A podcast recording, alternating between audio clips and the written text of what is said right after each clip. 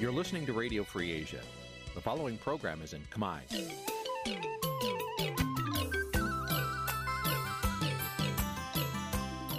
Nǐ chi càm bi tiệp xáy vệt chiu a zì sê នេះជាកម្មវិធីផ្សាយរបស់ Vithu Azisari ជាភាសាខ្មែរ វិទ្យុអាស៊ីសេរីសូមស្វាគមន៍លោកអ្នកនាងទាំងអស់ពីរដ្ឋធានី Washington នៃសហរដ្ឋអាមេរិក ពីរដ្ឋធានី Washington នាងខ្ញុំសុជីវីសូមជម្រាបសួរលោកអ្នកនាងកញ្ញាអ្នកស្ដាប់ Vithu Azisari ទាំងអស់ជាទីមេត្រីយើខ្ញុំសូមជូនកម្មវិធីផ្សាយសម្រាប់ព្រឹកថ្ងៃអង្គារ7រោចខែចេឆ្នាំខាលចត្វាស័កពុរសករាជ2566ត្រូវនៅថ្ងៃទី21ខែមិថុនា គ្រិស្តសករាជ2022ជាដំបូងនេះសូមអញ្ជើញលោកអ្នកនាងស្ដាប់ព័ត៌មានប្រចាំថ្ងៃដែលមានមេត្តាដូចតទៅ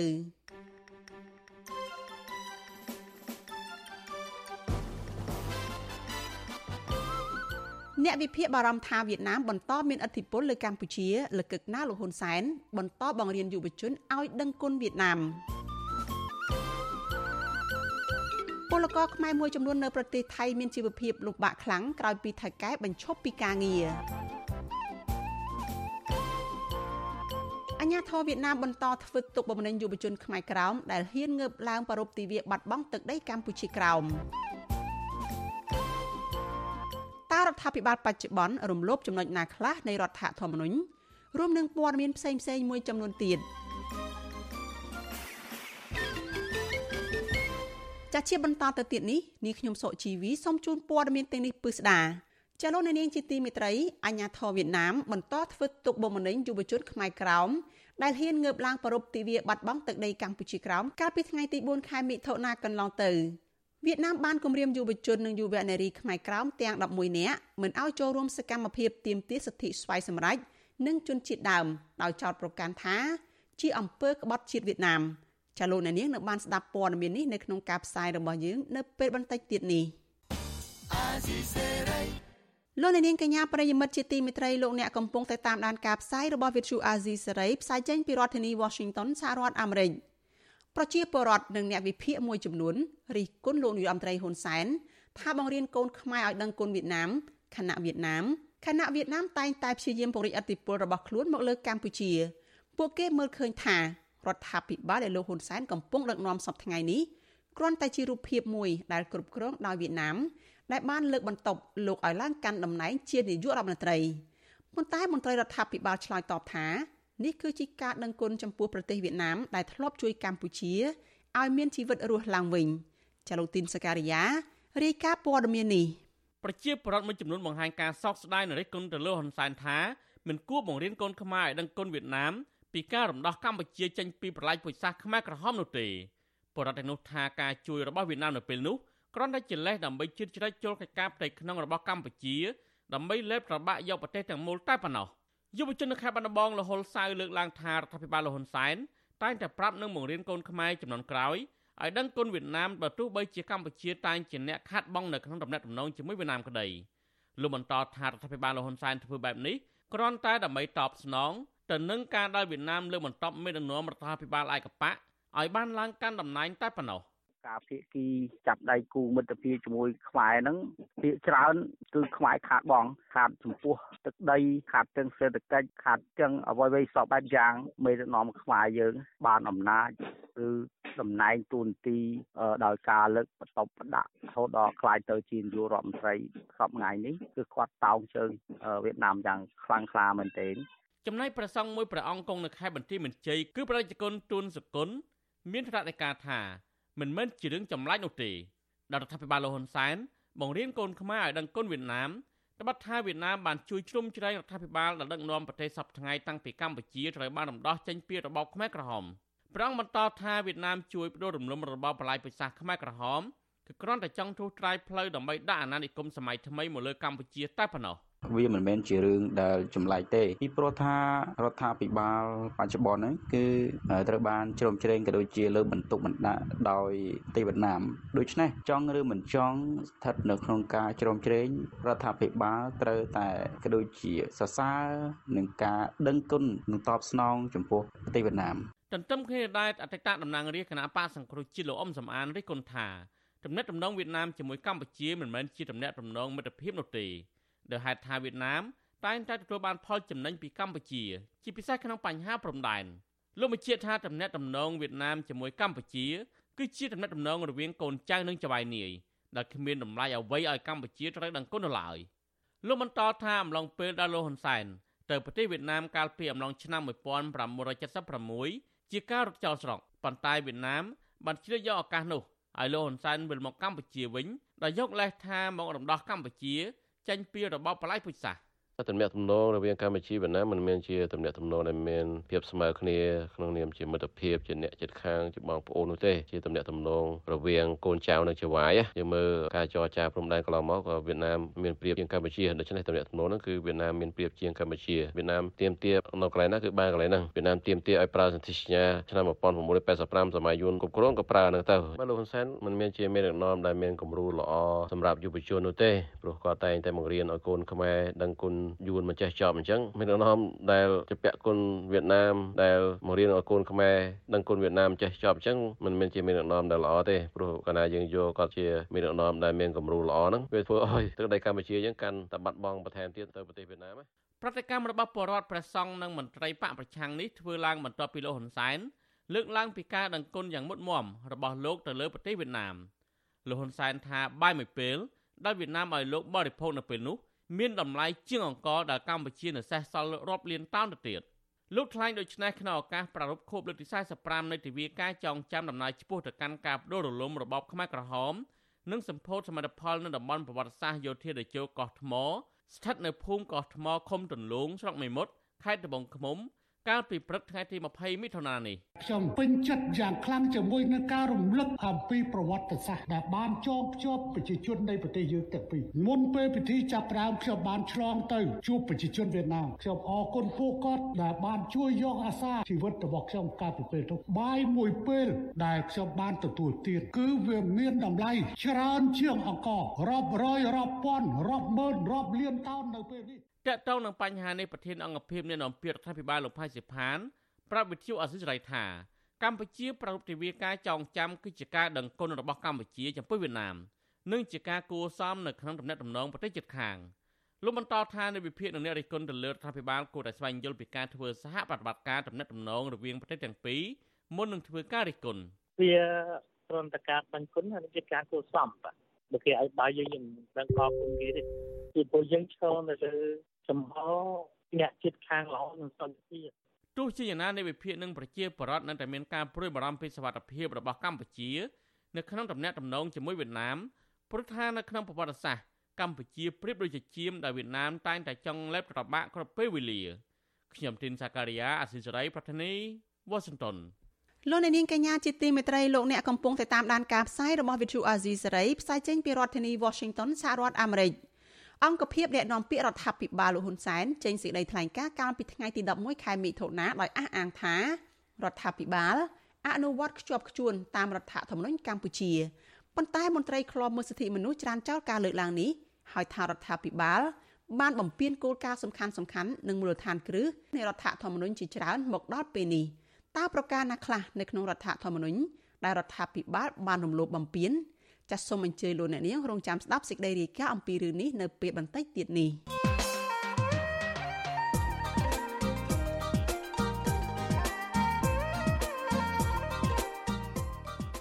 លោកអ្នកនាងជាទីមេត្រីការតវ៉ាដោយសន្តិវិធីរបស់ប្រជាពលរដ្ឋហាក់បានคล้ายទៅជាបទល្មើសនៅក្នុងក្រសែភ្នែករបស់អាជ្ញាធរទោះបីជាសកម្មភាពទាំងនោះជាការអនុវត្តសិទ្ធិសេរីភាពស្របទៅតាមច្បាប់យ៉ាងណាក្តី អញ្ញាធរនិងកងកម្លាំងសន្តិសុខមិនញញើតនៅក្នុងការប្រើហិង្សាវាយដំអ្នកតវ៉ាដោយសន្តិវិធីទាំងនោះឡើយក្រោមហេតុផលថានេះជាការអនុវត្តច្បាប់តើច្បាប់ពិតជាបើកដៃឲ្យអញ្ញាធរប្រើហិង្សាវាយដំលើបរដ្ឋតាមអំពើចិត្តឬយ៉ាងណាតើបរដ្ឋរងគ្រោះអាចធ្វើអ្វីបានខ្លះដើម្បីស្វែងរកយុត្តិធម៌នៅក្នុងករណីទាំងនេះ សូមអញ្ជើញលោកអ្នកនាងរងចាំស្ដាប់នីតិវេទិកានៃស្ដាប់វិទ្យុអាស៊ីសេរីជុំវិញរឿងនេះនៅក្នុងការផ្សាយរបស់យើងនៅយប់ថ្ងៃអង្គារទី21ខែមិថុនានេះចាលោកអ្នកនាងក៏អាចចូលរួមបញ្ចេញមតិយោបល់ឬសួរវាគ្មិនរបស់យើងដោយដាក់លេខទូរស័ព្ទរបស់លោកអ្នកនាង នៅក្នុងខ្ទង់ comment នៃ Facebook ឬ YouTube របស់ Vithu Azizi Serai ចាស់ក្រុមការងាររបស់យើងនឹងហៅទៅលោកអ្នកនាងវិញចាសសូមអរគុណ អ្នកនាងកញ្ញាជាទីមេត្រីសេចក្តីរាយការណ៍ពីប្រទេសថៃឯណោះឲ្យដឹងថាពលករខ្មែរជាច្រើនអ្នកធ្វើការនៅក្នុងប្រទេសនេះកំពុងមានជីវភាពលំបាកក្រោយពីពេលដែលថៅកែជនជាតិថៃបញ្ឈប់ពួកគេពីការងារដោយមិនបានផ្ដល់ប្រាក់សំណងដែលធ្វើឲ្យពួកគេគ្មានការងារធ្វើដើម្បីរកប្រាក់ដោះស្រាយជីវភាពប្រចាំថ្ងៃមន្ត្រីសង្គមស៊ីវិលយល់ឃើញថាពលករខ្មែរធ្វើការខុសច្បាប់តែងតែត្រូវបានថៅកែកេងប្រវ័ញ្ចកម្លាំងពលកម្ម ហើយគ្មានអាជ្ញាធរខ្មែរណាហ៊ានចេញមុខដោះស្រាយឲ្យពួកគាត់នោះទេចាលោកជីវតារាយការណ៍អំពីរឿងនេះរោងចក្រដែលបញ្ឈប់ពលករទាំងនោះជារោងចក្រផលិតគ្រឿងបន្លាស់ម៉ាស៊ីនត្រជាក់និងគ្រឿងអេឡិចត្រូនិកស្ថិតនៅខេត្តរយងការបញ្ឈប់នេះធ្វើឲ្យពលករជិត70នាក់អត់ការងារធ្វើនិងគ្មានប្រាក់បង់ថ្លៃទឹកភ្លើងថ្លៃបន្ទប់ជួលថ្លៃថែទាំសុខភាព និងមិនមានប្រាក់ផ្ញើជូនគ្រួសារនៅកម្ពុជា ដើម្បីសងធនាគារពលករនីខ្មែរធ្វើការរោងចក្រនៅខេត្តរយងលោកស្រីសិនដាប្រាប់អាស៊ីសេរីនៅថ្ងៃទី20មិថុនាថាលោកស្រីព្រួយបារម្ភពីជីវភាពខ្វះខាតក្នុងពេលស្នាក់នៅក្នុងប្រទេសថៃលោកស្រីថាប្រសិនបើលោកស្រីនៅតែបន្តគ្មានការងារធ្វើរយៈពេលយូរទៅមុខទៀតនឹងធ្វើឲ្យប៉ះពាល់ដល់ការរស់នៅកាន់តែខ្លាំង។ ដូចថាយើងពលករខុសច្បាប់អញ្ចឹងទៅគឺគេអត់ទៅយកចិត្តទុកដាក់យើងមកគេឲ្យការងារគឺជំរុញចោលយើងទៅគឺអត់ខ្វល់និយាយរួមទៅគេអត់ខ្វល់ពីយើងថាយើងទុកលំបាកមិនគេអត់ខ្វល់សំខាន់គឺគេមានការងារធ្វើឲ្យយើងរកការងារធ្វើខ្លួនឯងទៅលោកស្រីសន្តាអំពីវនីវដល់រដ្ឋាភិបាលកម្ពុជា ជួយដល់ពលករខ្មែរខុសច្បាប់ ឲ្យមានសិទ្ធិស្របច្បាប់ដើម្បីងាយស្រួលរកការងារធ្វើក្នុងប្រទេសថៃនិងកុំឲ្យក្រុមមេខ្យល់ខ្មែរនិងថៃចេះតែបោកប្រាស់កម្លាំងពលកម្មរបស់ពលរដ្ឋខ្មែរដែលស្វែងរកការងារធ្វើនៅក្នុងប្រទេសថៃចំណែកពលករខ្មែរម្នាក់ទៀតធ្វើការនៅរោងចក្រខេត្តរយងដែរគឺលោកមឿនលួនថ្លែងថាលោកជួបការលំបាកខ្លាំងព្រោះមិនមានការងារធ្វើជិត2ខែមកហើយនៅក្នុងប្រទេសថៃក្រោយពីរោងចក្របញ្ឈប់លោកពីការងារលោកបន្តថា បញ្ហាចំពោះមុខពេលនេះគឺលោកត្រូវចំណាយទៅលើការជួលបន្ទប់ថ្លៃទឹកថ្លៃភ្លើងថ្លៃអាហារប្រចាំថ្ងៃនិងថ្លៃធនាគារនៅស្រុកខ្មែរជាដើមដឹងពីគេដកចេញឬក៏ឲ្យចូលវិញខ្ញុំក៏ដឹងទៅច្បាស់ដែរបងតែបើតាមគេប្រាប់មកគេថាឲ្យយើងនឹងសារៈរយៈពេលមួយខែសិនព្រោះការងារវាអត់មានបើបងគេឈប់យើងនេះគឺគេអត់មានគិតឲ្យផងបងគឺឲ្យយើង ចាំអាពេលគេចុចហៅឲ្យចូលធ្វើការវិញបងពេលប្រជុំយើងហ្នឹងគេអត់មានគិតថ្លៃថ្ងៃឲ្យទេដូចថាបើគេកូនថៃគេអត់ការងារធ្វើគេប្រជុំចឹងគេឲ្យ75%តែសម្រាប់ខ្ញុំពលករខ្មែរគេអត់មានគិតឲ្យផងវិទ្យុអាស៊ីសេរីមិនអាចតាក់ទងមន្ត្រីស្ថានទូតខ្មែរប្រចាំប្រទេសថៃដើម្បីសុំការអត្ថាធិប្បាយជុំវិញរឿងនេះបានទេនៅថ្ងៃទី20មិថុនាដោយទូរស័ព្ទចូលគ្មានអ្នកទទួលប៉ុន្តែកាលពីថ្ងៃទី8ខែមិថុនាឆ្នាំ2022 អនុព័ន្ធការងារតំណាងស្ថានទូតកម្ពុជាប្រចាំប្រទេសថៃបានសហការជាមួយមូលនិធិលើកកម្ពស់សិទ្ធិនិងគុណភាពជីវិតពលករនិងអង្គការសង្ត្រាល់បានចុះសួរសុខទុក្ខពលករកម្ពុជាជាង400នាក់បន្ទាប់ពីហេតុការណ៍ភ្លើងឆេះនៅរោងចក្រមួយឈ្មោះ Master Wood ខូចខាតទាំងស្រុងដែលស្ថិតនៅតំបន់និគមផฒនាខេត្តរយងកាលពីថ្ងៃទី6ខែមិថុនាជុំវិញរឿងនេះ មន្ត្រីគម្រោងនៃអង្គការសង្ត្រាល់ប្រចាំនៅប្រទេសថៃលោកលឹងសុផុនថ្លែងថាលោកបានចូលរួមជាមួយអង្គការ Foundation for AIDS Rights និងមូលនិធិលើកកម្ពស់សិទ្ធិនិងគុណភាពជីវិតពលករសហការគ្នាចុះទៅដល់កន្លែងពលករហើយបានអប់រំណែនាំពីសិទ្ធិនិងអត្ថប្រយោជន៍ផ្សេងៗដល់ពលករទាំងនោះលោកលឹងសុផុនមើលឃើញថា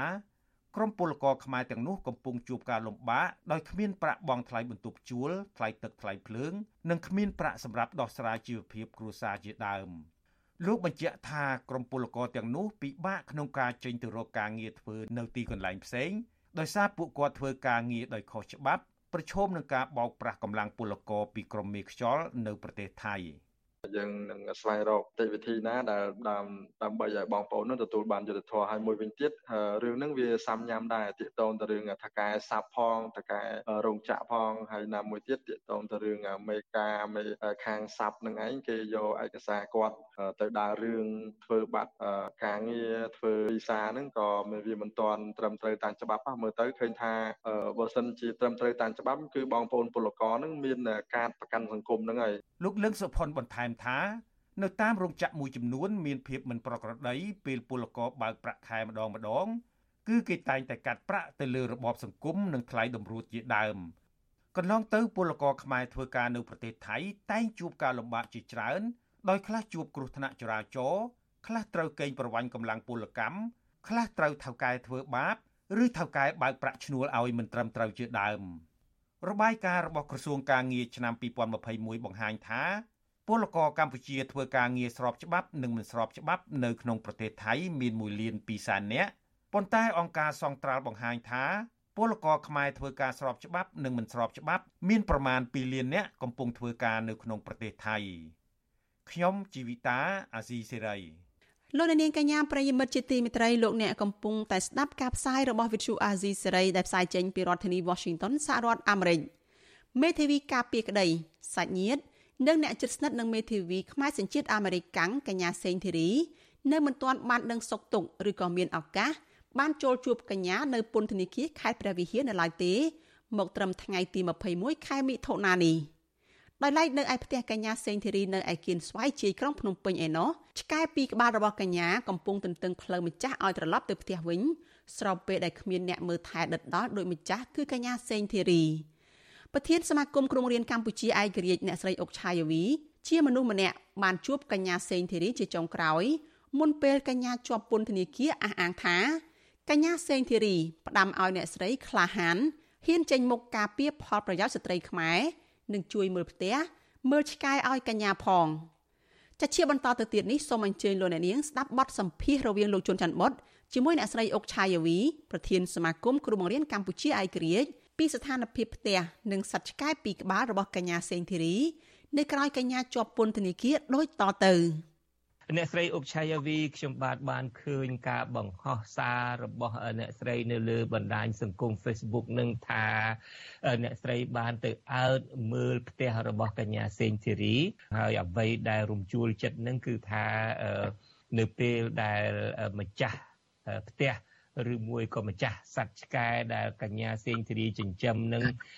ត្រូវគេចាប់យកដាក់ពន្ធនាគារនឹងគ្មានអ្នកណាមើលការខុសត្រូវនៅផ្ទះហើយឆ្កែនឹងក៏នៅយំសោកតែឯងអត់មានអ្នកណាថែទាំអត់មានអ្នកណាឲ្យបាយទឹកអីជាដើមតើរឿងរ៉ាវនេះកើតឡើងបែបណាសូមអញ្ជើញអ្នកស្រីអុកឆាយាវីរៀបរាប់បន្តិចបាទចាខ្ញុំមានក្តីក្ដួលអាណិតដល់សេងធារីដែលជាស្ត្រីម្នាក់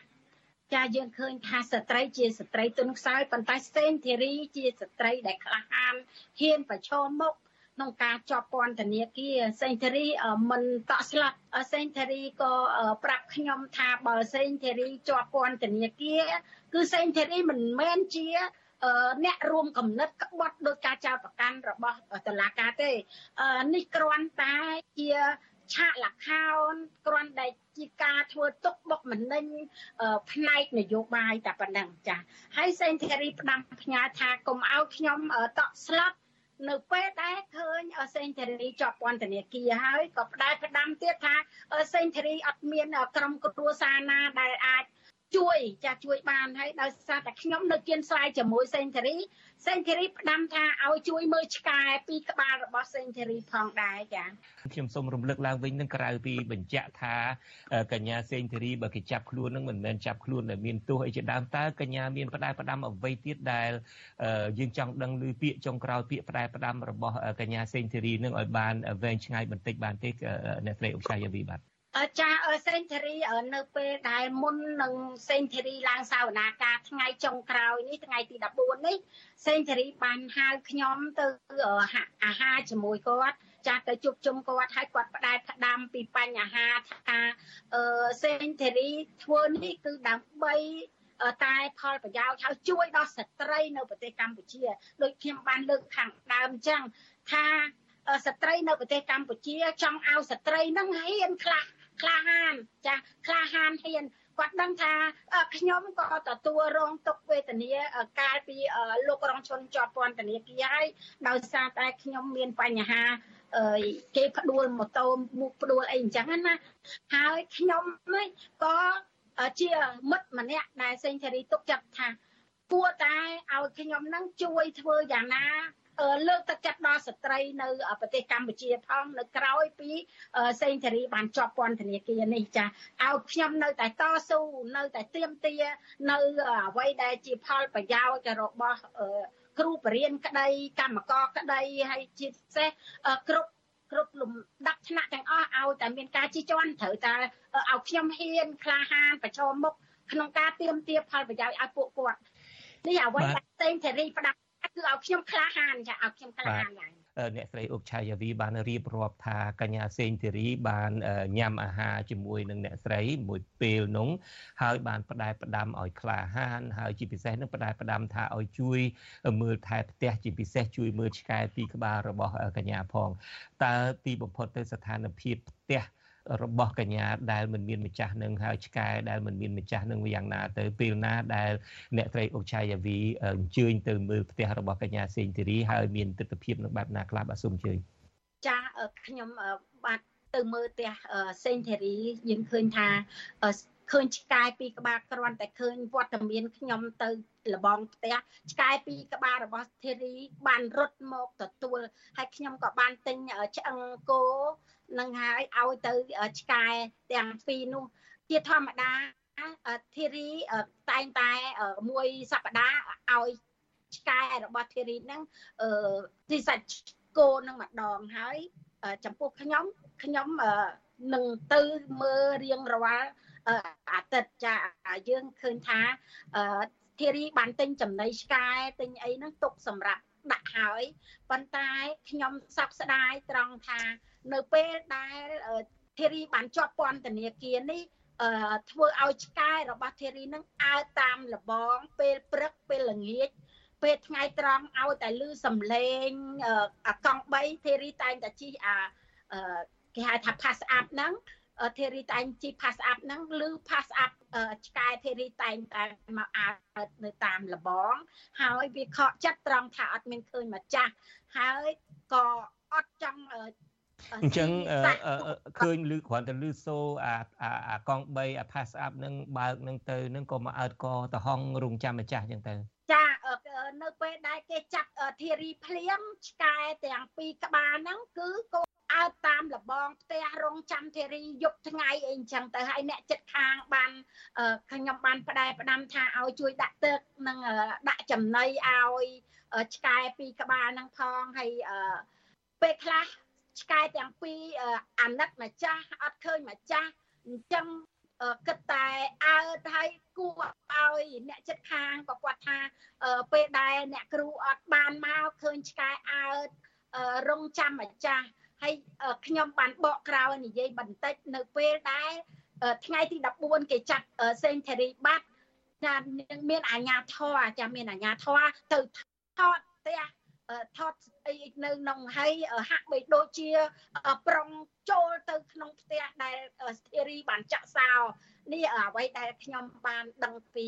អ្នកចិត្តខាង យើងឃើញថាទោះបីជាសត្វមែនប៉ុន្តែក៏ក៏ក៏ មានអារម្មណ៍ក្តុកក្តួលជាមួយម្ចាស់ដែរពេលដែលខ្ញុំទៅឃើញទឹកមុខឆ្កែសពូនហាក់បីដូចជា មានញៀនថាអឺបាត់ម្ចាស់ឃើញតែមិត្តភ័ក្តិរបស់អឺម្ចាស់អញ្ចឹងខ្ញុំឃើញអាណយអធមចាខ្ញុំហើយខ្ញុំក៏ដូចផ្ដាំផ្ញើដែរថាគួរតែរដ្ឋាភិបាលនោះដោះលែងវិញទៅកុំបាច់អឺបើមិនអាសូរនេះក៏ តែងតែនឹកឃើញយើងតាមប្រព័ន្ធ Facebook យើងឃើញហើយពេលខ្លះយកឆ្កែជារឿងធំអញ្ចឹងនេះជាឆ្កែរបស់សេងធីរីដែរគួរតែយល់ចិត្តផងដែលបាត់ម្ចាស់ទៅធ្វើឲ្យឆ្កែពីរនាក់ដាច់ទឹកដាច់បាយដែរនោះដូច្នេះខ្ញុំបាទក៏សូមបញ្ចប់កិច្ចពិភាក្សាតែត្រឹមនឹងទៅចុះហើយគ្រាន់តែរំលឹក ឡើងវិញអំពីភក្តីភាពរបស់ទាំងមនុស្សទាំងអ្នកគ្រប់គ្រងកញ្ញាសេងធីរីរួមទាំងសัตว์ផងនឹងក៏មានការអាណិតអាសូរដល់កញ្ញាសេងធីរីដែរហើយសង្ឃឹមថាកញ្ញាអ្នកស្រីអុកឆាយាវីនឹងមានឱកាសបានទៅជួបសួរសុខទុក្ខកញ្ញាផ្ទាល់ដល់ពន្ធនាគារថ្ងៃណាមួយបាទខ្ញុំបាទសូមអរគុណនិងសូមជម្រាបលាទៅត្រឹមនេះបាទចាសូមជម្រាបលា ចលនានាងកញ្ញាទើបតែបានស្ដាប់បទសម្ភាសន៍រវាងលោកជុនច័ន្ទបុតជាមួយនឹងអ្នកស្រីអុកឆាយាវីប្រធានសមាគមគ្រូបង្រៀនកម្ពុជាឯករាជ្យពីស្ថានភាពផ្ទះនិងសត្វឆ្កែពីរក្បាលរបស់កញ្ញាសេងធីរី នៅក្រៅពេលកញ្ញាជាប់ពន្ធនាគារ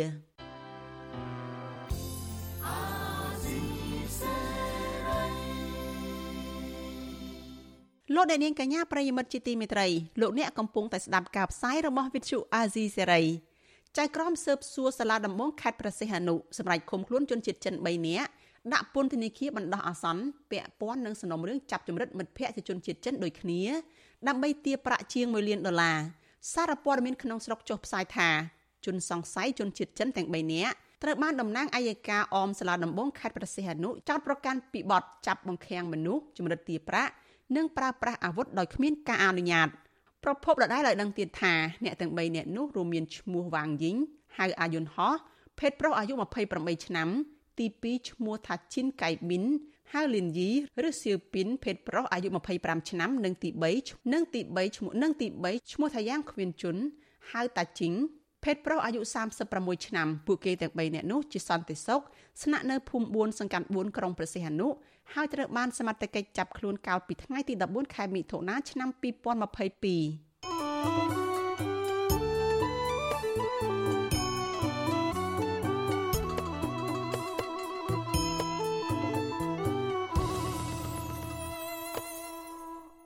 ចលនានាងកញ្ញាប្រិមិត្តជាទីមេត្រីព័ត៌មានតកតងនឹងចំនួនសត្វថ្មាតនៅក្នុងទឹកដីកម្ពុជាវិញម្ដងចលនាផលជំរឿនសត្វថ្មាតលើកទី3 សម្រាប់ឆ្នាំ2022បង្ហាញថាចំនួនសត្វថ្មាតមានចំនួន128ក្បាលគឺច្រើនជាងចំនួនសត្វថ្មាតដែលក្រុមអ្នកអភិរក្សបានរកឃើញកាលពីឆ្នាំ2021ចំនួន7ក្បាលរដ្ឋលេខាធិការក្រសួងបរិស្ថានលោកណេតភក្ត្រា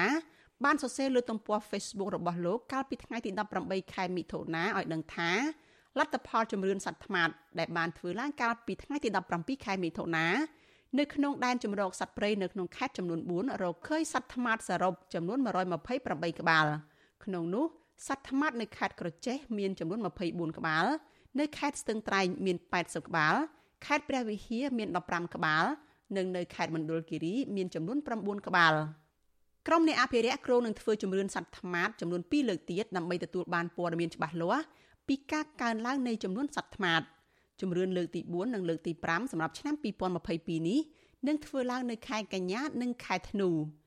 កាលពីជាង10ឆ្នាំមុនសត្វថ្មាតនៅកម្ពុជាធ្លាប់បានគេរកឃើញថាមានចំនួនជិត300ក្បាលប៉ុន្តែចាប់ពីពាក់កណ្ដាលឆ្នាំ2014ចំនួនសត្វថ្មាតបានបាត់បង់ជិតពាក់កណ្ដាលគឺនៅសល់ចន្លោះពី120ទៅ140ក្បាលទោះបីជារដ្ឋលេខាធិការក្រសួងបរិស្ថានលោកណេតភក្ត្រាអះអាងថា ស្ថានភាពថ្មនៅកម្ពុជាមានសញ្ញាវិជ្ជមានថាអាចនឹងកើនឡើងក្រោមការខិតខំប្រឹងប្រែងរបស់ក្រមអភិរក្សថ្មយ៉ាងណាក្តីក៏ចំនួនសត្វថ្មនៅកម្ពុជានៅក្នុងពេលបច្ចុប្បន្ននេះនៅមានចំនួនតិចជាងកាលពី10ឆ្នាំមុនជិតពាក់កណ្ដាលដែរទន្ទឹមនឹងនេះអ្នកគ្រប់គ្រងផ្នែកស្រាវជ្រាវនិងតាមដានជីវៈចម្រុះរបស់អង្គការ WWF គឺលោកអៀមសំអ៊ុនលោកលើកឡើងថាសត្វថ្មនៅកម្ពុជា កំពុងប្រឈមបញ្ហាខ្វះចំណី ដោយសារចំនួនសត្វព្រៃនិងសត្វស្រុកដែលងាប់នៅក្នុងព្រៃកាន់តែតិចលោកបន្ថែមថាបញ្ហាប្រឈមនេះតម្រូវឲ្យក្រុមអភិរក្សត្រូវផ្ដល់ចំណីអាហារបន្ថែមជាប្រចាំខែសត្វថ្មាតនៅកម្ពុជាមាន3ប្រភេទរួមមានថ្មាតភ្លើងថ្មាតថ្នោត និងថ្មាតផេះថ្មាតទាំងនេះមាននៅតំបន់អភិរក្សនៅក្នុងខេត្ត4គឺតំបន់ដែនជម្រកសត្វព្រៃសម្បូរក្នុងខេត្តក្រចេះដែនជម្រកសត្វព្រៃសៀមប៉ាងខេត្តស្ទឹងត្រែងដែនជម្រកសត្វព្រៃឆែបនៅក្នុងខេត្តព្រះវិហារ និងដែនជម្រកសត្វព្រៃស្រែពកខេត្តមណ្ឌលគិរីសត្វថ្មាត់ទាំង3ប្រភេទនេះត្រូវបានអង្គការអន្តរជាតិផ្នែកអភិរក្សធម្មជាតិ IUCN ចាត់ទុកថាជាសត្វជិតផុតពូជ។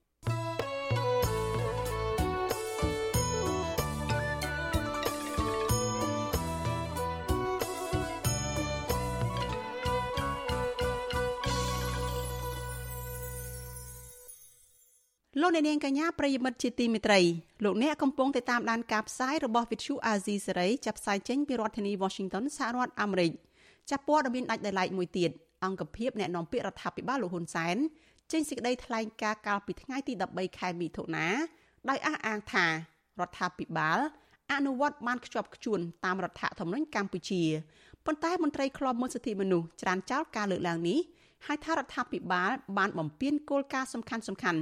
និងមូលដ្ឋានគ្រឹះនៃរដ្ឋធម្មនុញ្ញជាច្រើនមកដល់ពេលនេះតើប្រការណាខ្លះនៅក្នុងរដ្ឋធម្មនុញ្ញដែលរដ្ឋាភិបាលបានរំលោភបំពានចាលោកមួងណារ៉េតរាយការណ៍ជុំវិញព័ត៌មាននេះអតីតមន្ត្រីឃ្លាំមើលសិទ្ធិមនុស្សអន្តរជាតិថាចាប់តាំងពីឆ្នាំ1993ដែលជាឆ្នាំដែលកម្ពុជាបានអនុម័តរដ្ឋធម្មនុញ្ញដំបូងរបស់ខ្លួននោះមកការរំលោភបំពានរដ្ឋធម្មនុញ្ញនេះក៏ចាប់ផ្ដើមកើតមានឡើងជាហូរហែមកដែរ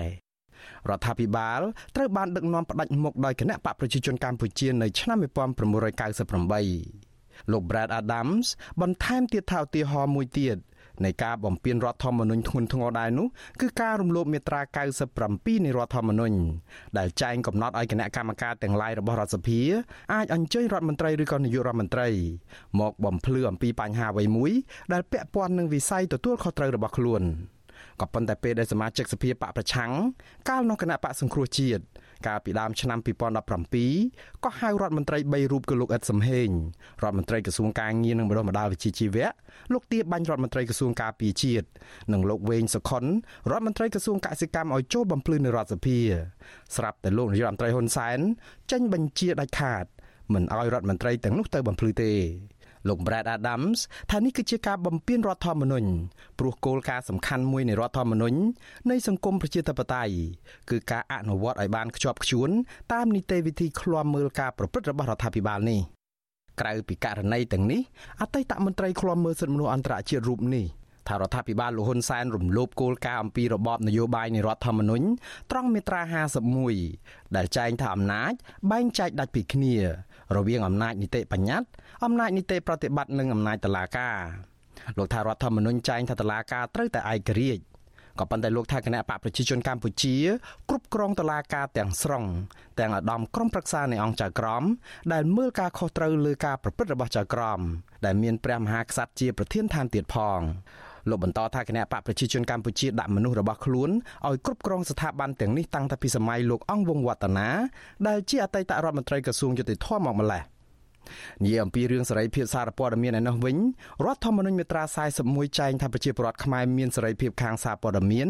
និងសេរីភាពខាងការបោះពុម្ពផ្សាយក៏ប៉ុន្តែលោក Brad Adams ថាសេរីភាពផ្នែកនេះត្រូវបានគ្រប់គ្រងទាំងស្រុងដែរដោយគណៈបកប្រជាជនកម្ពុជាដែលប្រការនេះលោកថាប្រព័ន្ធផ្សព្វផ្សាយនៅកម្ពុជាខ្វះសេរីភាព និងខ្វះភាពឯករាជ្យនៅក្នុងការបំពេញកិច្ចការឲ្យស្របតាមវិជ្ជាជីវៈរបស់ខ្លួន ជាងនេះទៅទៀតលោកថាគោលការណ៍នៃការធានាឲ្យមានការបោះឆ្នោតដោយសេរីត្រឹមត្រូវនិងយុត្តិធម៌ដែលមានចែងនៅក្នុងមាត្រា150ថ្មី2នៃរដ្ឋធម្មនុញ្ញក៏ត្រូវបានរំលោភបំពានយ៉ាងដំណំនោះដែរព្រោះគណៈបកកណ្ដាលអំណាច បង្កើតគោជបដើម្បីគ្រប់គ្រងអំណាច always a majority of the CPP so it was always គោជបជាស្ថាប័ននយោបាយគ្រប់គ្រងដោយគណៈបកកណ្ដាលអំណាចដើម្បីធានាថា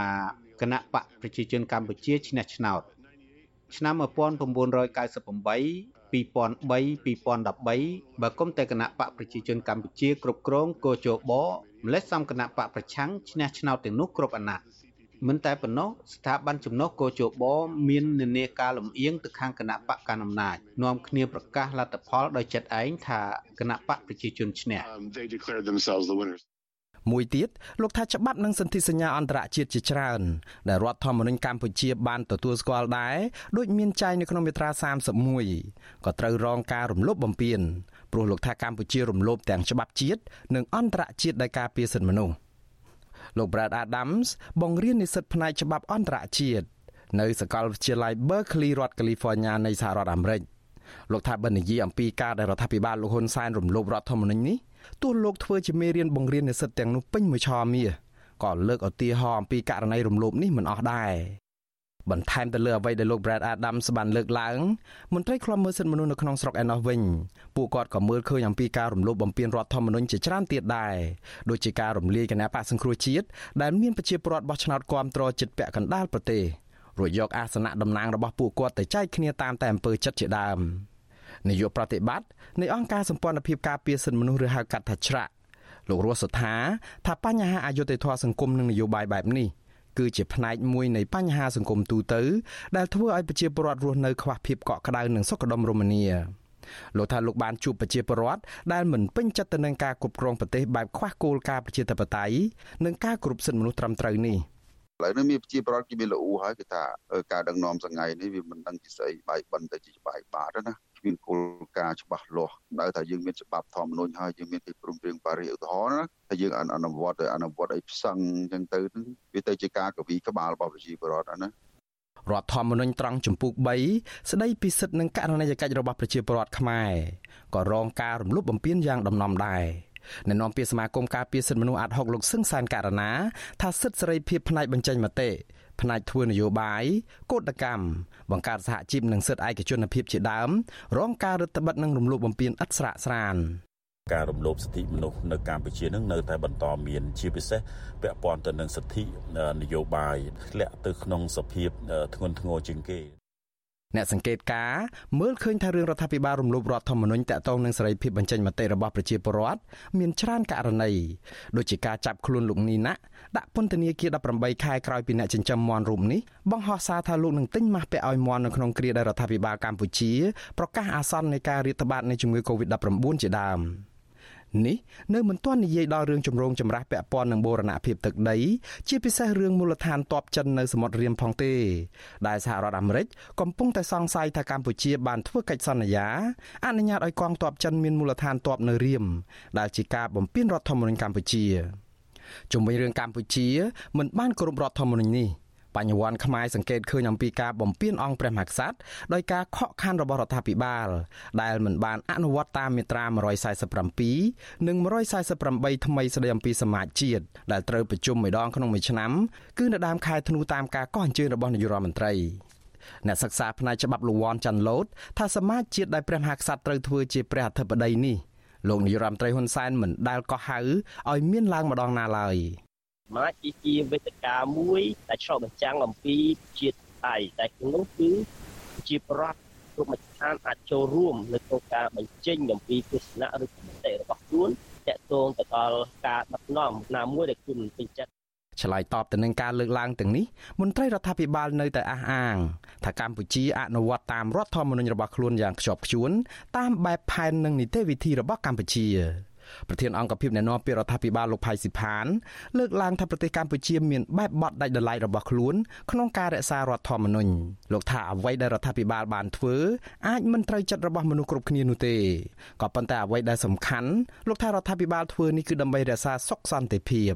ចំពោះបញ្ហារឿងរដ្ឋធម្មនុញ្ញគឺខុសប្រយោជន៍ខុសគ្នាខុសប្រយោជន៍ចំពោះរដ្ឋាភិបាលខុសប្រយោជន៍ចំពោះកម្ពុជាគឺភារកិច្ចនយោបាយ មន្ត្រីនាំពាក្យរដ្ឋាភិបាលប្រកាន់ជំហរថារដ្ឋាភិបាលមិនបានប្រព្រឹត្តបំពានរដ្ឋធម្មនុញ្ញរីឯមជ្ឈដ្ឋានទូទៅពួកគេរកឃើញអំពីករណីជាច្រើនដែលរដ្ឋាភិបាលមិនគោរពតាមច្បាប់កម្ពុជារបស់ជាតិនេះនៅក្នុងស្ថានភាពបែបនេះពួកគាត់ស្នើឲ្យរដ្ឋាភិបាលគួរតែហ៊ានទទួលយកការពិត និងកែលម្អចំណុចខ្វះខាតទាំងនេះដើម្បីលើកស្ទួយសិទ្ធិមនុស្សប្រជាធិបតេយ្យនិងយុត្តិធម៌សង្គម។ បើមិនដូច្នេះទេពួកគាត់ប្រមានថាសង្គមកម្ពុជានឹងបន្តខ្វះភាពសុខដុមរមនានិងរងទណ្ឌកម្មបន្ថែមពីសហគមន៍អន្តរជាតិខ្ញុំបាទមុងណារ៉េត With you Azizi Saray ប្រធានាទី Washington thank you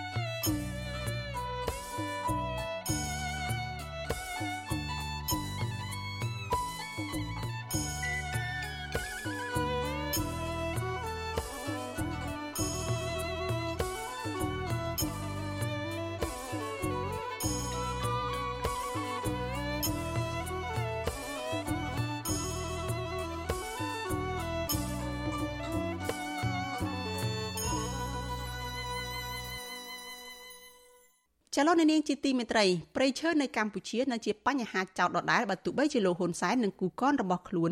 នៅតាមបណ្ដាក្រសួងពាក់ព័ន្ធនិងមន្ត្រីមូលដ្ឋានតែងតែបង្ហាញសាធារណជនថាមិនមានបទល្មើសព្រៃឈើក៏ដោយប៉ុន្តែសកម្មជនព្រៃឈើនិងប្រជាសហគមន៍មូលដ្ឋានតែងតែបារម្ភនិងចេញរបាយការណ៍ថាអញ្ញាធមូលដ្ឋានតែងតែខົບខិតគ្នាបើកដៃឲ្យជនល្មើសចូលកាប់ព្រៃជាបន្តបន្ទាប់តាមរយៈការប្រព្រឹត្តអំពើពុករលួយ កន្លងទៅរដ្ឋាភិបាលលោកហ៊ុនសែនបានសន្យានៅចំពោះមុខសាធារណជនជុំវិញការទប់ស្កាត់បទល្មើសព្រៃឈើឲ្យបានគង់វង្សលោកហ៊ុនសែនថែមទាំងអះអាងដាក់ជីវិតដើម្បីគ្រប់គ្រងព្រៃឈើខ្មែរប៉ុន្តែអស់រយៈពេលជាច្រើនឆ្នាំមកនេះព្រៃឈើនៅកម្ពុជាត្រូវបានជន់ល្មើសកាប់ទន្ទ្រានយ៉ាងអនាធបត័យបើទោះបីជាមានការដាក់ចេញនូវយន្តការនិងអនុក្រឹត្យជាបន្តបន្ទាប់ពីក្រសួងពាក់ព័ន្ធជាពិសេសក្រសួងបរិស្ថានក៏ដោយ។ ក្តីបារម្ភទាំងអស់នេះបានបង្កើតជាសំណួរថាហេតុអ្វី បានជារដ្ឋាភិបាលលោកហ៊ុនសែនមិនអាចទប់ស្កាត់បទល្មើសព្រៃឈើនៅតំបន់ព្រៃឡង់បាន កាលពីពេលថ្មីថ្មីនេះអង្គការលើកលែងទោសអន្តរជាតិ Amnesty International ចេញរបាយការណ៍មួយកាលពីថ្ងៃទី28ខែមករាឆ្នាំ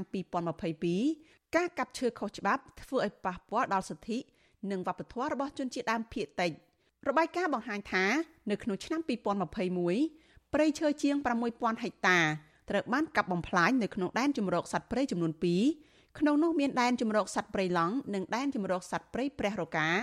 មានការកាប់ឈើដោយខុសច្បាប់យ៉ាងច្រើនសន្ធឹកសន្ធាប់កំពុងប៉ះពាល់ធ្ងន់ធ្ងរទៅដល់សិទ្ធិនិងបព្វធម៌របស់ជនជាតិដើមភាគតិចរបាយការណ៍ដដែលថែមទាំងចោទប្រកាន់ចំចំទៅលើអាជ្ញាធរពាក់ព័ន្ធហើយជាពិសេសមន្ត្រីក្រសួងបរិស្ថានថាมันបានអើពើនឹងការរាយការណ៍ពីបទល្មើសព្រៃឈើពីប្រជាពលរដ្ឋ ហើយថាមន្ត្រីក្រសួងបរិស្ថានទាំងនោះបានចុះទៅស៊ើបអង្កេតដោយគ្រាន់តែដើម្បីទទួលលុយក្រោមតុពីជនល្មើសតែប៉ុណ្ណោះរបាយការណ៍ដដែលអះអាងទៀតថាសកម្មភាពបំផ្លាញព្រៃឈើយ៉ាងអនាធិបតេយ្យទាំងនេះមិនត្រឹមតែបំផ្លាញដល់ជីវៈចម្រុះនិងធ្វើឲ្យប្រែប្រួលអាកាសធាតុប៉ុណ្ណោះទេថែមទាំងកំពុងបំផ្លាញវប្បធម៌និងសិទ្ធិរបស់ជនជាតិដើមភាគតិចគួយថែមទៀតផងថ្មីត្បិតតែបាត់ល្មើសព្រៃឈើរកឃើញជាហូរហែពីសំណាក់អង្គការជាតិនិងអន្តរជាតិពិតមែន ក៏ប៉ុន្តែលោកហ៊ុនសែនមិនអើពើទប់ស្កាត់នោះទេផ្ទុយទៅវិញសេចក្តីថ្លែងការណ៍របស់ក្រមបណ្ដាញព្រៃឡង់បង្ហាញថា មន្ត្រីអាជ្ញាធរជាពិសេសក្រសួងបរិស្ថាន បានហាមឃាត់បណ្ដាញសហគមន៍ព្រៃឡង់មិនឲ្យចុះល្បាតព្រៃនោះទេខណៈដែលជនល្មើសអាចចូលទៅកាប់ឈើនិងដឹកជញ្ជូនឈើបានយ៉ាងរលូនដោយគ្រាន់តែបង់ប្រាក់ទៅឲ្យមន្ត្រីនៅតាមស្នាក់ការត្រួតពិនិត្យជាថ្នូរនឹងការទទួលបានការអនុញ្ញាតឲ្យប្រព្រឹត្តបទល្មើសនៅក្នុងព្រៃឡង់ ក្រុមបណ្ដាញសហគមន៍ព្រៃឡង់បានចេញសេចក្តីថ្លែងការណ៍កាលពីថ្ងៃទី7ខែវិច្ឆិកាឆ្នាំ2021ស្តីពីសកម្មភាពកាប់បំផ្លាញព្រៃឈើនិងការកាប់រានដីព្រៃល្មើសច្បាប់ នៅក្នុងតំបន់ព្រៃឡង់ដោយបញ្ជាក់ថាជនល្មើសនៅក្នុងតំបន់ព្រៃឡង់បានលួចកាប់ឈើជាដើមជាប់ច្បាស់និងដើមឈើធំធំសេចក្តីថ្លែងការណ៍ដដែលបង្ហាញថាសកម្មភាពដឹកឈើយ៉ាងអនាធិបតេយ្យបានដឹកឈើឲ្យក្រុមហ៊ុន Sing Biotech ក្រុមហ៊ុនធីងានិងក្រុមហ៊ុន PNT ស្ថិតនៅក្នុងខេត្តព្រះវិហារនិងសកម្មភាពដឹកជញ្ជូនឈើជាច្រើនគោយន្តនៅក្នុងមួយថ្ងៃមួយថ្ងៃខណៈដែលអាជ្ញាធរមូលដ្ឋានមិនមានវិធានការទប់ស្កាត់ឲ្យបានត្រឹមត្រូវតំបន់ព្រៃឡង់មានផ្ទៃដី50ម៉ឺនហិកតាដោយគ្រប់ដណ្ដប់ខេត្តចំនួន4គឺខេត្តព្រះវិហារកំពង់ធំ ក្រចេះនិងខេត្តស្ទឹងត្រែងតំបន់ព្រៃឡង់នេះត្រូវបានរដ្ឋាភិបាលកំណត់ជាតំបន់ការពារកាលពីឆ្នាំ2016អ្នកខ្លំមើលព្រៃឡង់លោកពឹកសុភ័ណ្ឌនាយកប្រតិបត្តិនៃអង្គការពន្លកខ្មែរ ប្រាប់វិទ្យុអាស៊ីសេរីនៅថ្ងៃទី20ខែឧសភាថាកន្លងមករដ្ឋាភិបាល បានបង្កើតគណៈកម្មការជាតិដើម្បីទប់ស្កាត់និងបង្ក្រាបបទល្មើសធនធានធម្មជាតិដែលដឹកនាំដោយលោកសៅសុខាអគ្គមេបញ្ជាការកងរាជអាវុធហត្ថលើផ្ទៃប្រទេស ជាប្រធានក៏ប៉ុន្តែលោកមើលឃើញថាយន្តការទាំងអស់នោះមិនបានអនុវត្តឲ្យបានពេញលេញនោះទេលោកសង្កត់ធ្ងន់ថាបើទោះបីជារដ្ឋាភិបាលលោកហ៊ុនសែន តែងតែអះអាងថាមានមន្ត្រីបរិស្ថានគ្រប់គ្រាន់ក្នុងការចូលរួមការពារទាំងថ្នាក់ក្រោមជាតិនិងថ្នាក់ជាតិក៏ដោយតែការអនុវត្តវិធានការទាំងអស់នោះគ្រាន់តែដើម្បីល្អមើលតែប៉ុណ្ណោះលោកបន្តថាប្រសិនបរដ្ឋាភិបាលចង់ដោះស្រាយបញ្ហាព្រៃឈើជាពិសេសព្រៃឡង់លុះត្រាតែរដ្ឋាភិបាលពិនិត្យមើលមន្ត្រីថ្នាក់ក្រោមរួមទាំងថ្នាក់ជាតិកុំឲ្យមានអំពើពុករលួយហើយបើកជំហរសិទ្ធិមូលដ្ឋានឲ្យប្រជាសហគមន៍និងសង្គមស៊ីវិលចូលរួមយ៉ាងសកម្ម ទើបអាចការពារព្រៃឈើបានប៉ុន្តែលោកបារម្ភថាប្រសិនបរដ្ឋាភិបាលសន្យាខ្យល់ដោយពេលបច្ចុប្បន្ននឹងមានផលប៉ះពាល់ធ្ងន់ធ្ងរទៅដល់ប្រជាពលរដ្ឋនិងសង្គមជាតិទាំងមូលដោយសារតែបាត់បង់គម្របព្រៃឈើបញ្ហាបំរែបំរួលអាកាសធាតុកើនឡើងជាដើមវាជារឿងអាម៉ាស់ជារឿងអាប់អោនកិត្តិយសរបស់រដ្ឋាភិបាលកម្ពុជា ដែលបានសន្យាជាមួយនឹងអង្គការជាតិអង្គការអន្តរជាតិ ពីរឿងការដាក់ផែនការគ្រប់គ្រងព្រៃឈើឲ្យបាន60%នៅឆ្នាំ2030អីចឹងតាមផែនការហើយអ្វីដែលប៉ះពាល់គឺប៉ះពាល់ទៅដល់សហគមន៍មូលដ្ឋានជនជាតិដើមភាគតិចដែលគាត់ប្រើប្រាស់អាស្រ័យផលព្រៃឈើវាបាត់បង់ព្រៃឈើអស់ហើយចំណែកប្រធានកម្មវិធីស្រាវជ្រាវនឹងតស៊ូមតិនៃបណ្ដាញយុវជនកម្ពុជាហៅកាត់ថា CYN លោកហេងកំហុងប្រាប់វិទ្យុអាស៊ីសេរីថា មូលហេតុដែលរដ្ឋាភិបាលមិនអាចអនុវត្តតាមការបដិញ្ញារបស់ខ្លួនក្នុងការការពារព្រៃឈើបានដោយសារតែកង្វះការចុះត្រួតពិនិត្យលើមន្ត្រីថ្នាក់មូលដ្ឋាន ដែលធ្វើឲ្យការអនុវត្តច្បាប់មានភាពធូររលុងស្របពេលដែលមន្ត្រីខ្លះខ្វះឆន្ទៈការពារព្រៃឈើពិតប្រាកដរបាយការណ៍កម្មវិធីព្រៃឈើជាតិដែលចេញផ្សាយកាលពីខែមករាឆ្នាំ2018របស់រដ្ឋាភិបាលបង្ហាញថាពីឆ្នាំ2010ដល់ឆ្នាំ2029 ក្រសួងបរិស្ថាននិងក្រសួងកសិកម្មរុក្ខាប្រមាញ់និងនេសាទបានបដិញ្ញាចិត្តដោយសន្យាថែរក្សាគម្របព្រៃឈើឲ្យបាន60%ត្រឹមឆ្នាំ2029ប៉ុន្តែលោកហេងកំហុងមើលឃើញថាតកតងនយន្តការមួយចំនួនរបស់ក្រសួងបរិស្ថាន ទាំងផ្នែករដ្ឋបាលនិងការបង្កើតឲ្យមានអនុក្រឹត្យការពារធនធានធម្មជាតិមួយចំនួន នៅតែមិនមានប្រសិទ្ធភាពលោកអះអាងថាក្នុងរយៈពេល2ទសវត្សរ៍ចុងក្រោយនេះ គម្របព្រៃឈើបានបាត់បង់ជាង14%គិតត្រឹមឆ្នាំ2018ដូច្នេះលោកមើលឃើញថាបើគិតមកដល់ពេលបច្ចុប្បន្ននេះកើនឡើងកាន់តែច្រើនជាងមុនទ្វេដងមូលហេតុដែលរដ្ឋាភិបាលមិនអាចបញ្ញាចិត្តខ្លួនរបស់ខ្លួនបាននៅក្នុងការអនុវត្តហ្នឹងគឺដោយសារតែរឿងមួយទេគឺកង្វះនៅក្នុងការត្រួតពិនិត្យទៅលើការអនុវត្តរបស់មន្ត្រីរបស់ខ្លួននៅមូលដ្ឋាននឹងឯងបាទវិទ្យុអាស៊ីសេរីមិនអាចសុំការអធិប្បាយពីអ្នកនាំពាក្យក្រសួងបរិស្ថានលោកនេតភក្ត្រាបានទេ ដោយទូរស័ព្ទចូលប៉ុន្តែពុំមានអ្នកទទួលចំណែកអ្នកនាំពាក្យគណៈកម្មាធិការជាតិទប់ស្កាត់និងបង្ក្រាបបទល្មើសធនធានធម្មជាតិលោកអេងហ៊ីប្រាប់វិទ្យុអាស៊ីសេរីថាមកដល់ពេលនេះមិនមានបទល្មើសកាប់ទន្ទ្រានព្រៃឈើនៅក្នុងតំបន់ព្រៃឡង់ទេហើយរដ្ឋាភិបាលបង្ក្រាបបទល្មើសជាបន្តបន្ទាប់មិនមានករណីធំដូចមុននោះដែរលោកបន្តថាការលើកឡើងដែលថារដ្ឋាភិបាលមិនអាចទប់ស្កាត់បទល្មើសព្រៃឈើបាន ពីសំណាក់សហគមន៍និងសង្គមស៊ីវិលគឺជាព័ត៌មានមិនពិត ព្រោះលោកថាមន្ត្រីបរិស្ថាន បានចុះល្បាតជាបន្តបន្ទាប់មិនឃើញមានបទល្មើសនោះទេបាទប្រទេសយើងលទ្ធិប្រជាធិបតេយ្យជាការចេញមតិគឺសិទ្ធិរបស់ពួកគាត់សំខាន់គណៈកម្មការជាតិធ្វើការទប់ស្កាត់និងបង្ក្រាបរាល់បទល្មើសទាំងអស់ជុំវិញរឿងនេះនាយកប្រតិបត្តិអង្គការពន្លកខ្មែរលោកពឹកសុភ័ណ្ឌផ្ដល់ដំណោះស្រាយថា អ្វីដែលរដ្ឋាភិបាលត្រូវតែធ្វើគឺជំរុញមន្ត្រីរបស់ខ្លួនអនុវត្តនៅវិធានការនិងនីតិវិធីច្បាប់ឲ្យបានតឹងរឹងនិងលុបបំបាត់អំពើពុករលួយ នៅកម្រិតមន្ត្រីមូលដ្ឋានជាមុនសិនត្បិតថាកម្លាំងមានសមត្ថកិច្ចបរដ្ឋាភិបាលវាមិនគ្រប់គ្រាន់ក្នុងការការពារព្រៃឈើទេដូច្នេះអ្វីដែលសំខាន់គ្រប់គ្រាន់នោះគឺមានតែ ប្រជាពលរដ្ឋនៅក្នុងតំបន់នៅមកក្បែរតំបន់ព្រៃឈើនឹងជាពិសេសព្រៃឡង់ព្រៃពហរកានិងព្រៃនៅតំបន់ផ្សេងៗទៀតបាទពាក់ព័ន្ធនឹងបញ្ហានេះសហរដ្ឋអាមេរិកកាលពីខែមិថុនាឆ្នាំ2021បានប្រកាសបញ្ចប់ជំនួយដល់រដ្ឋាភិបាលកម្ពុជាក្រោមគម្រោងព្រៃឡង់បៃតងដោយលើកហេតុផលថាបញ្ហាមិនត្រូវបានដោះស្រាយដែលបណ្ដាលឲ្យបាត់ល្មើសចេះតែបន្តកើតមានកាន់តែខ្លាំងសកម្មជនព្រៃឈើនៅតែបន្តទទូចឲ្យក្រសួងបរិស្ថាន ពង្រឹងការអនុវត្តច្បាប់ឲ្យបានតឹងរឹងនិងលុបបំបាត់ក្រុមហ៊ុនរកស៊ីអាឈើដោយខុសច្បាប់ដោយឡែករបាយការណ៍របស់អ្នកស្រាវជ្រាវនៃសាកលវិទ្យាល័យ Copenhagen នៃប្រទេសដាណឺម៉ាក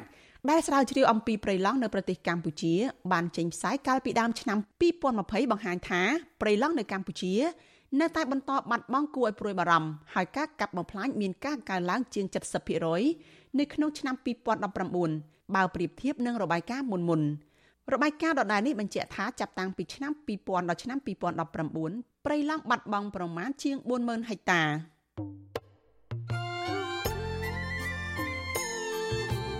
ចលនានាងជាទីមេត្រីដំណើរគ្នានឹងការផ្សាយផ្ទាល់តាមបណ្ដាញសង្គម Facebook និង YouTube នេះលោកអ្នកនាងក៏អាចស្ដាប់ការផ្សាយរបស់ Vithu Azizi Serai តាមរយៈ Vithu រលកធាតុអាកាសខ្លី SW តាមកម្រិតនិងកម្ពស់ដូចតទៅនេះពេលព្រឹកចាប់ពីម៉ោង5កន្លះដល់ម៉ោង6កន្លះ តាមរយៈរលកធាតុអាកាសខ្លី12140 kHz ស្មើនឹងកម្ពស់ 25m និង13715 kHz ស្មើនឹងកម្ពស់ 22m ពេលយប់ចាប់ពីម៉ោង7កន្លះដល់ម៉ោង8កន្លះតាមរយៈរលកធាតុអាកាសខ្លី9960 kHz ស្មើនឹងកម្ពស់ 30m 12140 kHz ស្មើនឹងកម្ពស់ 25m និង11885 kHz ស្មើនឹងកម្ពស់ 25m ចលនានាងជាទីមេត្រីព័ត៌មានតកតងនឹងការតស៊ូរបស់ខ្មែរកម្ពុជាក្រោមឯនេះវិញអាញាធរវៀតណាមបន្តធ្វើទុកបុកម្នេញយុវជនខ្មែរក្រោមដែលហ៊ានងើបឡើងប្រពៃទិវាបាត់បង់ទឹកដីកម្ពុជាក្រោមកាលពីថ្ងៃទី4ខែមិថុនាកន្លងទៅវៀតណាមបានគម្រាមយុវជននិងយុវនារីខ្មែរក្រោមទាំង11នាក់ មិនឲ្យចូលរួមសកម្មភាពទាមទារសិទ្ធិស្វ័យសម្រេចនិងជនជាតិដើមដោយចោទប្រកាន់ថាជាអំពើក្បត់ជាតិវៀតណាមពីរដ្ឋធានី Washington លោកយុនសាមៀនរាយការណ៍ព័ត៌មាននេះយ៉ាងហោចណាស់ក៏មានយុវជនខ្មែរក្រោម11នាក់ត្រូវបានអាជ្ញាធរវៀតណាមខេត្តព្រះត្រពាំងព្រមានឲ្យបញ្ឈប់សកម្មភាពទាមទារសិទ្ធិជាជនជាតិដើម និងរំលឹកប្រវត្តិបាត់បង់ទឹកដីខ្មែរប្រសិនមិនដូច្នោះទេ ពួកគេនឹងត្រូវគេចាប់ខ្លួនពីបទក្បត់ជាតិ យុវជនខ្មែរក្រោម11នាក់ដែលវៀតណាមគំរាមនោះដោយសារតែពួកគេបានចូលរួមប្រពៃទិវាបាត់បង់ទឹកដីខ្មែរកម្ពុជាក្រោមលើកទី73កាលពីថ្ងៃទី4ខែមិថុនាកន្លងទៅយុវជនខ្មែរក្រោមលោកថៃកើងប្រាប់វិទ្យុអាស៊ីសេរីកាលពីថ្ងៃទី18ខែមិថុនាថាអាញាធរវៀតណាមបានកោះហៅយុវជនខ្មែរក្រោម3នាក់ទៅជួបនៅការិយាល័យគណៈស្ត្រី8នាក់ទៀតត្រូវបានថៅកែវៀតណាមប្រមានបញ្ឈប់ពីការងារ ប្រសិនបើបន្តពាក់អាវយឺតដែលមានអក្សរថាខួប73ឆ្នាំ នៅក្រៅអាណានិគមនិយមយួនអញ្ញាធិបតេយ្យវៀតណាមចោទប្រកាន់យុវជនទាំងនោះពីបទក្បត់ជាតិគេសន្លត់នឹងដូចគេថាមិនអោយជឿតាមពុកក្មួយទេមិនអោយជឿតាមស្ទោវាងជើងអីចឹងទេហើយមិនអោយជឿតាមប្អូនទេវាប្រោះ បងប្អូននឹងធ្វើការដោយខុសច្បាប់ហើយមិនអោយតាមិនអោយសេតគប់ជុកមួយហើយមិនអោយបាក់អាវរឹបសញ្ញាបាត់បង់ទៅដោយកម្មជាក្រុមគេមិនអោយទេពីប្រកថាឥឡូវហ្នឹងយួនវាពងជួយខ្មែរយើងច្រើនគេចង់ឲ្យយួននេះគេមិនសមគ្គីកាន់មកទៅយើងនឹងគាត់ហួចចង់បំពេញបាត់ការសមគ្គីខ្មែរហើយយួនចឹងណាគេនិយាយចឹងគេគេគម្រាមចឹងណាគេថាបើមិនដូច្នោះទេថ្ងៃមុខថ្ងៃក្រោយនឹងមានរឿងអីក៏ឡើងគេមិនធានាទេណាគេនិយាយចឹងណា លោកថៃកើងបន្តថាបច្ចុប្បន្នអាញាធរវៀតណាមបានបន្តឃ្លាំមើលការធ្វើដំណើររបស់លោកគ្រប់ពេលវេលាបណ្ដាលឲ្យលោកមិនអាចចុះមូលដ្ឋានផ្ដល់ជាថវិកា និងសួរសុខទុក្ខខ្មែរក្រោមដែលកំពុងមានជំងឺ និងត្រូវការថវិកាដើម្បីព្យាបាលទោះបីជាយ៉ាងណាលោកថៃកើងអំពាវនាវឲ្យយុវជនទាំងអស់មិនត្រូវខ្លាចការគំរាមកំហែងរបស់អាញាធរវៀតណាមនោះទេពីព្រោះការតស៊ូរបស់យុវជនខ្មែរកម្ពុជាក្រោមជារឿងស្របច្បាប់ ចាការនឹងការគម្រាមកំហែងតាបងការគម្រាមកំហែងដូច្នេះមិនប្អូននឹងទៅប្រាប់គឺគឺគម្រាមយុវជនអ្នកណាហ្នឹងប្អូនប្អូននឹងថាទៅដល់ផ្ទះគាត់ហើយថាកុំអើខ្លាចអីគឺគឺជាការគម្រាមទេអានេះជាការគម្រាមទេវាគម្រាមយើងទេយកវាគ្មានហ៊ានទេវាអត់ហ៊ានទេការកោះហៅយុវជនខ្មែរក្រោម11នាក់របស់អាញាធរវៀតណាមនេះធ្វើឡើងក្រោយពេលដែលអាញាធរនៅខេត្តដុងណៃឬខេត្តវាប្រឹសបានឃាត់ខ្លួនយុវជនខ្មែរក្រោមម្នាក់ឈ្មោះយឿងខៃ ក្រោយពីលោកគ្រងប្រមូលផ្ដុំធ្វើពិធីសាសនា ក្នុងពិធីបាត់បង់ទឹកដីអាញាធរវៀតណាមហៅលោកទៅការិយាល័យសួរចម្លើយពីម៉ោងប្រមាណ10ព្រឹកដល់ម៉ោង4ព្រឹកទើបព្រមឲ្យលោកវិលត្រឡប់មកផ្ទះវិញមន្ត្រីវៀតណាមដែលសួរចម្លើយលោកយឿងខៃប្រាប់លោកថាខ្មែរក្រៅមិនមែនជាទឹកដីរបស់ខ្មែរនោះទេហើយបានរឹបអូសយកអាវយឺតដែលមានទង់ជាតិខ្មែរក្រោមនិងអក្សរថា73ឆ្នាំក្រោមអាណានិគមនិយមបារាំង អស់មួយចំនួនទៀតផងខ្មែរកម្ពុជាក្រោមនៅជុំវិញពិភពលោកនិងខ្មែរក្រោមដែលកំពុងរស់នៅលើទឹកដីកំណើតបាននាំគ្នាប្រពខួបបាត់បង់ទឹកដីលើកទី73ឆ្នាំ កាលពីថ្ងៃទី4ខែមិថុនាកន្លងទៅសហព័ន្ធខ្មែរកម្ពុជាក្រោមដែលមានមូលដ្ឋាននៅសហរដ្ឋអាមេរិកបានធ្វើពិធីនេះឡើង ដើម្បីឲ្យពលរដ្ឋខ្មែរក្រោមចងចាំថ្ងៃបាត់បង់ទឹកដីដែលជាថ្ងៃប្រវត្តិសាស្ត្រ និងដើម្បីដាស់ស្មារតីខ្មែរក្រោមឲ្យងើបឡើងទាមទារសិទ្ធិស្វ័យសម្រេចដែលរដ្ឋាភិបាលវៀតណាមកំពុងបដិសេធមិនផ្ដល់ឲ្យពួកគេដោយឡែកនៅឯទឹកដីកំណើតវិញយុវជនខ្មែរក្រោមបានធ្វើពិធីសូត្រមន្តបែបព្រះពុទ្ធសាសនា នៅមុខចេតិយវរៈបរោះខ្មែរក្រោមលោកអុកញ៉ាសឿនគុយនិងពាក់អាវដែលមានអក្សរថាខួប73ឆ្នាំក្រោមអាណានិគមនិយមយួន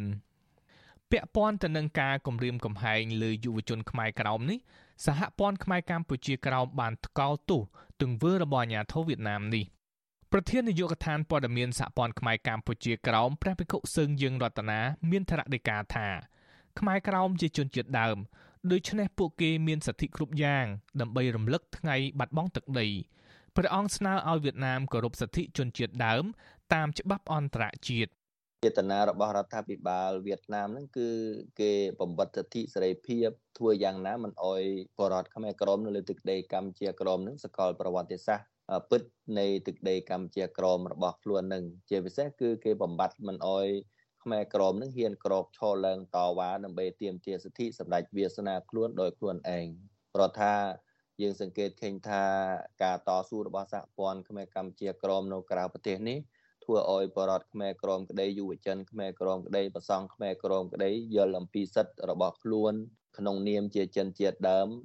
ព្រះភិក្ខុសឹងយើងរតនាមានធរណីកាបន្តថាសហព័ន្ធកំពុងចងក្រងឯកសារស្តីពីការធ្វើទុកបុកម្នេញពលរដ្ឋខ្មែរក្រោមពីសំណាក់អាជ្ញាធរវៀតណាមដើម្បីសុំទៅសហគមន៍អន្តរជាតិឲ្យជួយអន្តរាគមន៍ករណីនេះ ជាងសហព័ន្ធខ្មែរកម្ពុជាក្រមតែងតែធ្វើសេចក្តីថ្លែងការណ៍និងតកល់ទោសចំពោះរដ្ឋាភិបាលវៀតណាមនៅពេលដែលរំលោភសិទ្ធិចំពោះបរតខ្មែរក្រមក៏ហើយនឹងអំពាវនាវដល់សហគមន៍អន្តរជាតិឲ្យជួយដាក់គំនាបទៅលើរដ្ឋាភិបាលវៀតណាមនឹងគឺត្រូវតែគោរពសិទ្ធិចំពោះបរតខ្មែរក្រមបាទសហព័ន្ធខ្មែរកម្ពុជាក្រោមអះអាងថា73ឆ្នាំដែលពលរដ្ឋខ្មែរក្រោមរស់នៅក្រោមការគ្រប់គ្រងរបស់វៀតណាម ខ្មែរក្រោមគ្មានសិទ្ធិសេរីភាពអ្វីទាំងអស់ដូចជាសិទ្ធិបញ្ចេញមតិសិទ្ធិជួបជុំសិទ្ធិបង្កើតជាសមាគមសិទ្ធិបង្កើតសារព័ត៌មានឯករាជ្យនិងសិទ្ធិស្វ័យសម្រេចសប្តាហ៍ថ្ងៃនេះវៀតណាមបានបន្តកោះហៅខ្មែរក្រោមទៅសួរចម្លើយនិងចាប់ពួកគេដាក់ពន្ធនាគារនៅពេលដែលខ្មែរក្រោមខ្លះហ៊ានងើបឡើងប្រើប្រាស់សិទ្ធិសេរីភាពជាជនជាតិដើម ដែលមានចែងនៅក្នុងសេចក្តីប្រកាសរបស់អង្គការសហប្រជាជាតិស្តីពីសិទ្ធិជនជាតិដើម និងកតិកាសញ្ញាអន្តរជាតិស្តីពីសិទ្ធិពលរដ្ឋនិងសិទ្ធិនយោបាយដែលរដ្ឋាភិបាលវៀតណាមបានចុះហត្ថលេខាទទួលស្គាល់សហព័ន្ធខ្មែរកម្ពុជាក្រោមបន្តថារយៈពេល73ឆ្នាំហើយជាពេលវេលាមួយសមស្របសម្រាប់ពលរដ្ឋខ្មែរក្រោមនៅជុំវិញពិភពលោក ក្រោកឡើងតស៊ូមតិដោយសន្តិវិធី និងអហិង្សាស្របតាមច្បាប់អន្តរជាតិប្រើប្រាស់សិទ្ធិជាជនជាតិដើម ដើម្បីសម្រេចវាសនាដោយខ្លួនឯងនៅលើទឹកដីកំណើតសហព័ន្ធខ្មែរកម្ពុជាក្រោមបានកំណត់ផែនការសំខាន់សំខាន់មួយចំនួន ដើម្បីទាមទារឲ្យវៀតណាមផ្ដល់សិទ្ធិគ្រប់យ៉ាងឲ្យពលរដ្ឋខ្មែរកម្ពុជាក្រោមដែលកំពុងរស់នៅលើទឹកដីកំណើត ចំណុចសំខាន់សំខាន់ទាំងនោះរួមមានការពង្រឹងទំនាក់ទំនងនឹងមន្ត្រីក្រសួងការបរទេសនៃប្រទេសមហាអំណាចដើម្បីស្នើឲ្យពួកគេដាក់គំនាបលើរដ្ឋាភិបាលវៀតណាមឲ្យគោរពសិទ្ធិមនុស្សជំរុញឲ្យវៀតណាមទទួលស្គាល់ខ្មែរក្រោមជាជនជាតិដើម និងសិក្សាយកបទពិសោធន៍ពីប្រទេសមួយចំនួន ដែលទទួលបានជោគជ័យក្នុងការទាមទារសម្រេចវាសនាជាដើមខ្ញុំយុនសាមៀនវិទ្យុអាស៊ីសេរីប្រធានាធិបតី Washington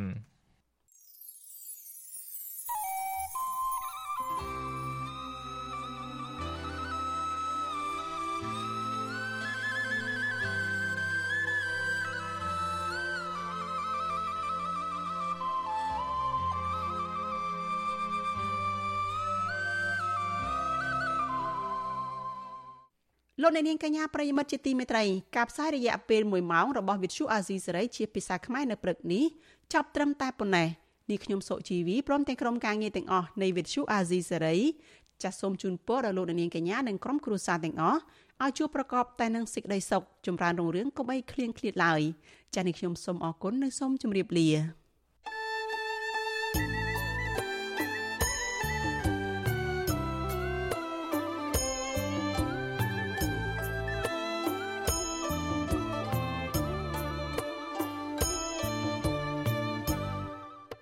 ទ្យុអាស៊ីសេរីផ្សាយតាមរលក ធារកាសខ្លីឬ short wave តាមកម្រិតនិងកម្ពស់ដូចតទៅនេះពេលព្រឹកចាប់ពីម៉ោង5កន្លះដល់ម៉ោង6កន្លះតាមរយៈរលក ធាតុអាកាសខ្លី12140 kHz ស្មើនឹងកម្ពស់ 25m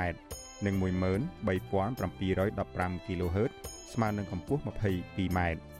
ពេលយប់ចាប់ពីម៉ោង7កន្លះដល់ម៉ោង8កន្លះតាមរយៈរលកធាតុអាកាសខ្លី 9960 kHz ស្មើនឹងកម្ពស់ 30m និង12140 kHz ស្មើនឹងកម្ពស់ 25m លោកអ្នកនាងអាចស្ដាប់ការផ្សាយផ្ទាល់តាមប្រព័ន្ធអ៊ីនធឺណិតដោយចូលទៅកាន់គេហទំព័រ www.rfa.org/ ខ្មែរក្រៅពីនេះលោកអ្នកនាងក៏អាចអាននិងទស្សនាព័ត៌មានវិទ្យុអេស៊ីសេរីលើទូរស័ព្ទដៃរបស់លោកអ្នកផ្ទាល់។ សូមលោកអ្នកនាងចូលទៅកាន់បណ្ដាញសង្គម Facebook ដែលមានអាសយដ្ឋាន www.facebook.com/rfa.cambodia និង YouTube www.youtube.com/rfa ខ្មែរ video សូមលោកអ្នកនាងចុច like និងចុច Subscribe ដើម្បីទទួលបានព័ត៌មានថ្មីៗទាន់ហេតុការណ៍និងទស្សនាវីដេអូផ្សេងៗទៀតបានគ្រប់ពេលវេលា។